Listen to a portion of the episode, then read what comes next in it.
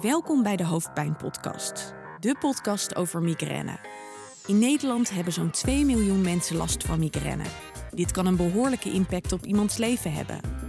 In het Leids Universitair Medisch Centrum doet de onderzoeksgroep Hoofdpijn onder leiding van hoogleraar Gisela Terwind onderzoek naar migraine. In deze serie ga ik, Annemiek Lely, met verschillende onderzoekers in gesprek. Wat is migraine precies? Welke verschillende vormen zijn er? Hoe kan het behandeld worden? En wat doet de onderzoeksgroep hoofdpijn nou eigenlijk?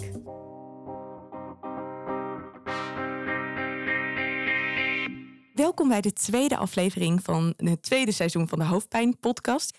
Ik zit hier natuurlijk met Gisela Terwind en met Rolf Frontzek. Het is natuurlijk de hoofdpijnpodcast en we hebben ons tot nu toe voornamelijk gericht op migraine.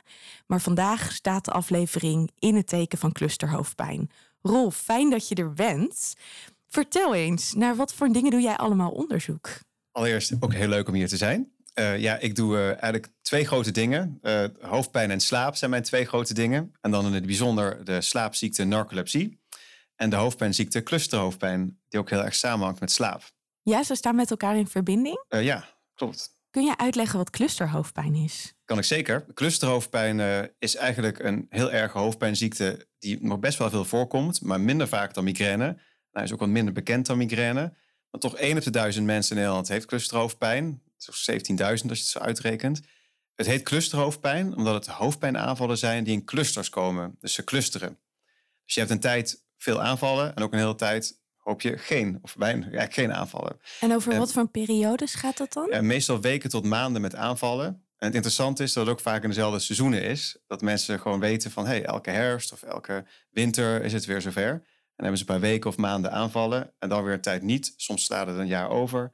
En het komt dus echt in clusters. Het heet dan ook episodisch. Het komt in episodes. En het heet dan ook wel episodische clusterhoofdpijn. Je hebt helaas ook chronische clusterhoofdpijn. En die mensen hebben wel het hele jaar door aanvallen. Dus die hebben minder clusters, om het zo maar ja, te zeggen. Ja, die hebben dan minder clusters. Die hebben dan deeltijd aanvallen. Maar de, de, de term cluster komt omdat het dus clustert. Ja, het zijn kortere aanvallen dan migraine. Eigenlijk, uh, ja, daar staat 15 minuten tot drie uur voor. Meestal, ja, zo'n misschien een uur dat de aanvallen duren. En, maar je kunt ze wel vaker hebben. Soms tot wel acht keer per dag. Maar de meeste mensen hebben dan één, twee of drie aanvallen per dag. En die komen dan weer vooral s'nachts, tijdens de slaap. En zo ben ik er heel erg in geïnteresseerd geraakt. Omdat ze heel erg samenhangen met dus zowel slaap, maar ook kloktijd. Dat is altijd nog een beetje de vraag waar ik ook onderzoek naar doe. Waarom komen die aanvallen nou op dat tijdstipeltijd of altijd als mensen in slaap vallen? Als ze per overdag in slaap vallen, kunnen ze een aanval krijgen.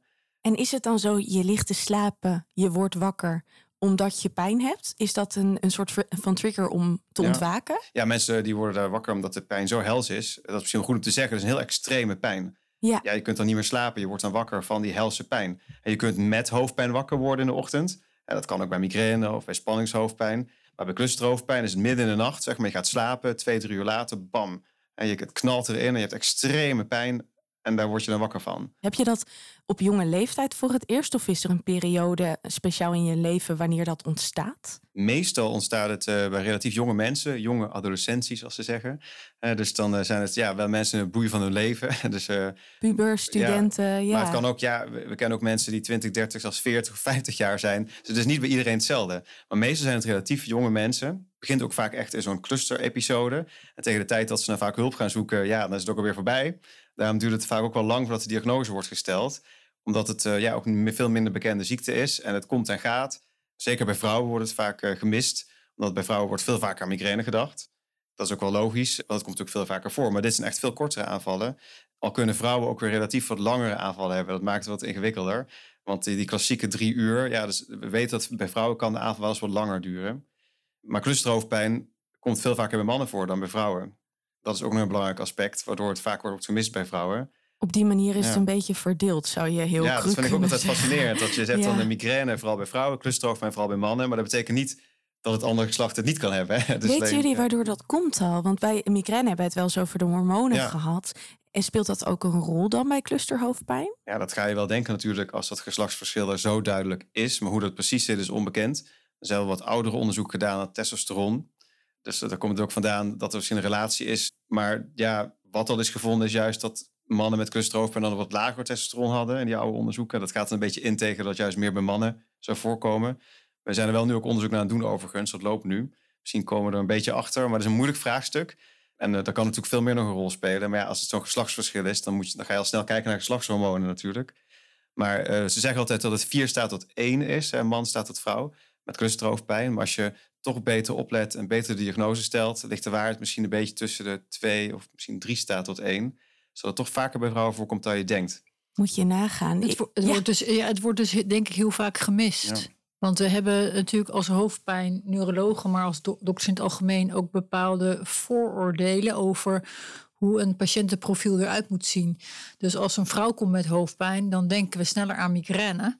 En als een man komt met hoofdpijn, denken we misschien sneller aan clusterhoofdpijn. En als die vrouw dan ook nog wat atypische aanvallen heeft, die wat langer duren, of die ook soms gepaard gaan met misselijkheid en braken, wat we kennen van migraine, dan labelen we patiënten soms verkeerd. Dan zit je toch veel meer richting wat je gewend bent, dan dat je puur naar de situatie kijkt zoals die is. Ja. dus je ziet dan twee aspecten ervan. Dat als je kijkt naar wat, er, wat nu dokters over de wereld beschrijven over clusterhoofdpijn, dat ze dan zeggen dat clusterhoofdpijnaanvallen ernstiger zijn bij vrouwen. Maar dat zou ook heel goed kunnen zijn omdat er een selectie is van die vrouwen die herkend zijn. En dat zijn dan per definitie de ernstigere vormen. Dus ik denk, het zou ook heel goed kunnen zijn dat clusterhoofdpijn heel vaak bij vrouwen wordt gemist. En daarom is het belangrijk dat we nu ook in deze podcast ook deze vorm van hoofdpijn wel goed noemen. Omdat je als dokter daar ook aan moet denken. Ik was er bijvoorbeeld ook helemaal niet bekend mee totdat uh, jullie me erover vertelden. Dus wat dat betreft, het is ook niet een vorm die in het dagelijks leven die je heel vaak hoort of zo. Maar ik ben wel benieuwd, want je zei het is een hele ernstige vorm van pijn die je voelt. Ik kan me ook voorstellen dat op het moment dat je dat voor het eerst meemaakt, dat je daar enorm van schrikt en dat je wel meteen een arts opbelt. Maar als ik naar jullie luister, komt dat in de praktijk toch wel minder nou, voor. Er zijn wel veel mensen die naar de eerste hulp zelfs gaan bij de eerste aanval, omdat het zo extreem is. En dan wordt het soms wel, soms niet herkend. Want een van de behandelingen die werkt, uh, zuurstof in, uh, 100% zuurstof inademen. En dat wordt er wel eens op de eerste hulp gegeven. Dus je hebt wel van die mensen die meteen goed terechtkomen de eerste hulp, meteen de diagnose krijgen, omdat het zo extreem is. Maar ja, je hebt ook mensen die hebben het dan s'nachts en dan duurt het misschien een half uur of een uur. Dan gaat het weer over en dan, ja, dan gaan ze naar de huisarts en is er weer wat voorbij, zoals ik al net zei. En dan, en dan komt het toch pas na een paar jaar dat het als het wat erger of langer wordt of moeilijker te behandelen. Want een deel van de behandeling is hetzelfde als migraine, maar een deel is ook echt totaal anders.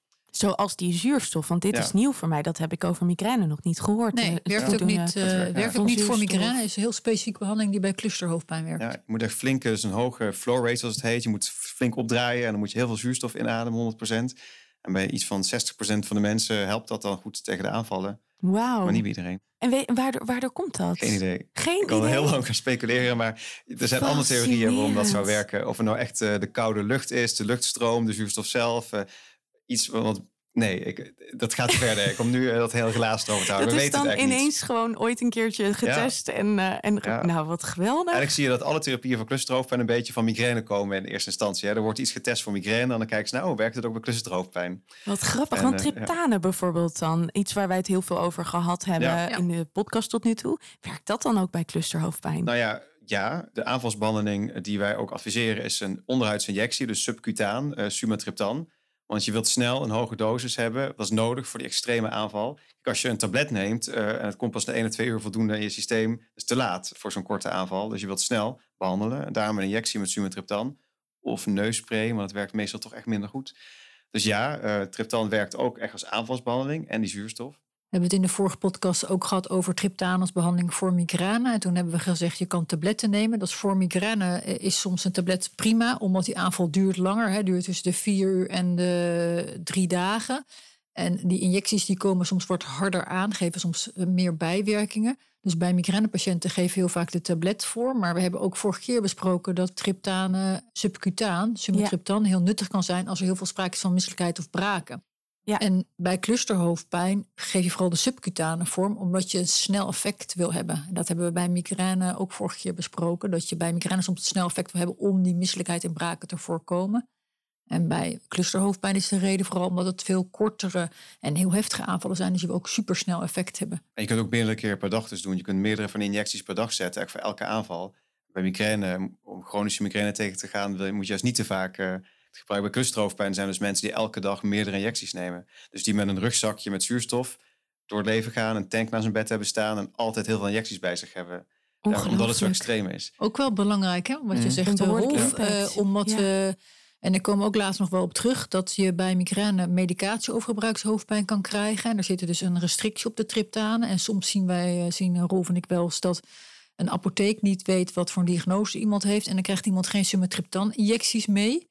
Want dan zeggen ze, ja, u gebruikt er zes per dag. Dat Mhm. kan echt niet. En dan moeten wij uitleggen, ja, maar bij clusterhoofdpijn is dat anders. Ja. Dan mag dat juist wel. we vinden het ook niet ja, menselijk, dat klinken we zo. Het zijn zo extreme aanvallen.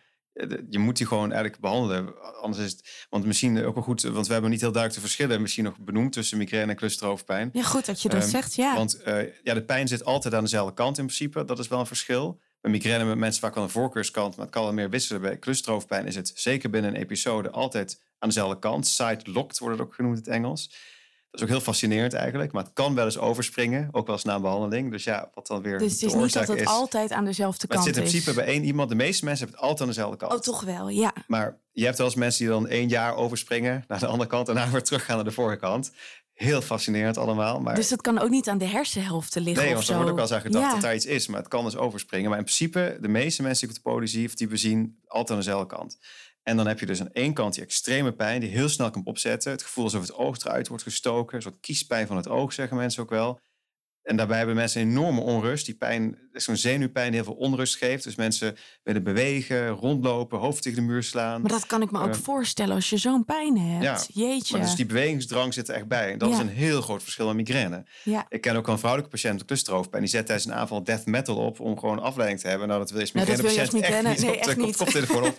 Dus clusterhoofdpijn is wat dat betreft, als je in een spreekkamer, dat is een heel groot verschil. Wil Je je wilt een soort gaan- van bestrijden juist door heftigheid. Dus wil je allemaal prikkels en bewegen en drukte, of wil je juist rust in bed en niks, zeg maar. Dat is een groot verschil.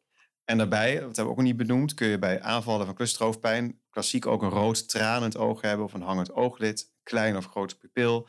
Dus je ziet ook echt dingen in het gelaat. En kan heet- zichtbaar zijn. ja, dat heet Ja. autonome verschijnselen, heette dat. Omdat het autonome zenuwstelsel daar verantwoordelijk voor is. En dat heb je bij clusterhoofdpijn vaak fors, dat dat er is. Of een loopneus.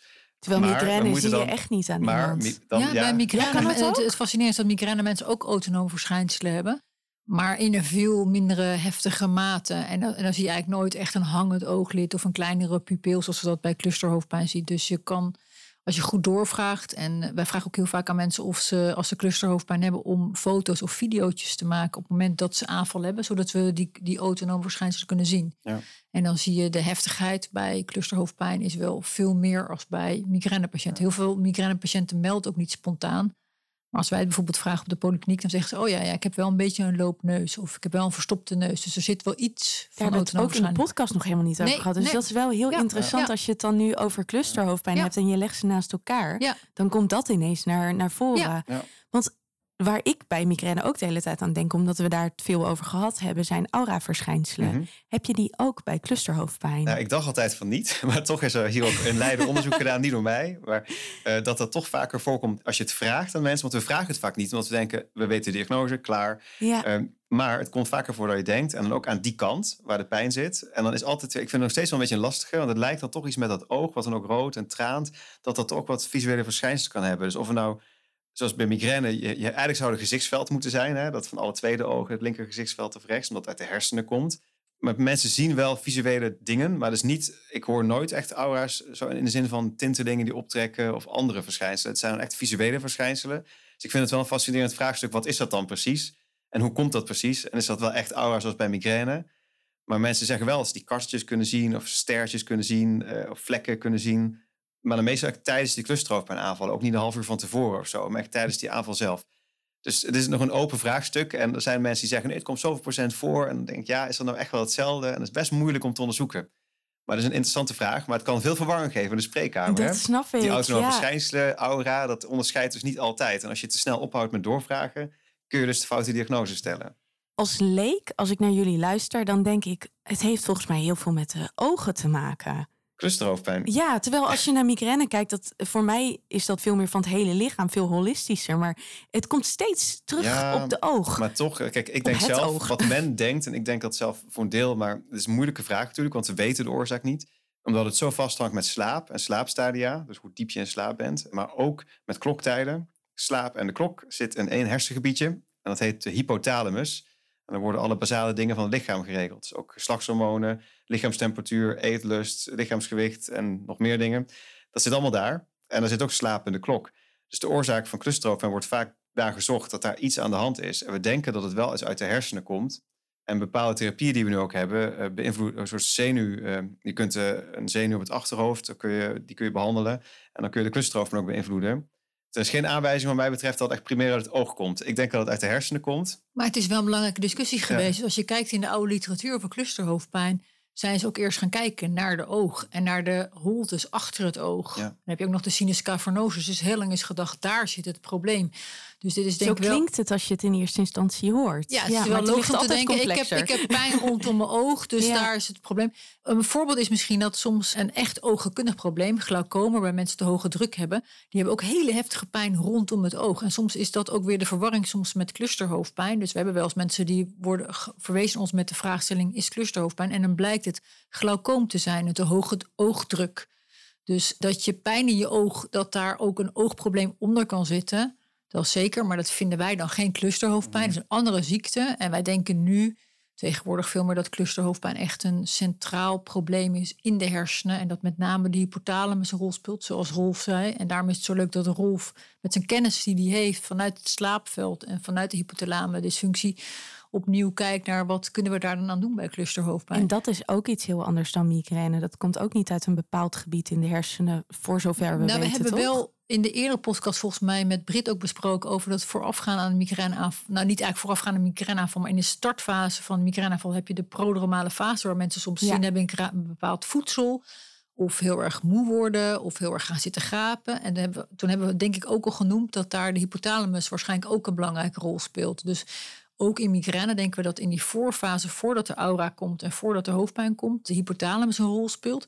En we weten ook dat bij migraine slaap soms een eh, of tekort aan slaap of het omzetten van de slaap een rol speelt. Dus daar speelt dan ook de hypothalamus, denk ik. Een jetlags hebben we het over gehad. Ja, jetlags. Dus ja. daarom is het juist zo fascinerend dat uh, hetzelfde onderdeel in de hersenen uh, een clusterhoofdpijn kan geven, maar ook misschien uh, een rol speelt in het uitlokken van migraineaanvallen of in de voorfase van een migraineaanval.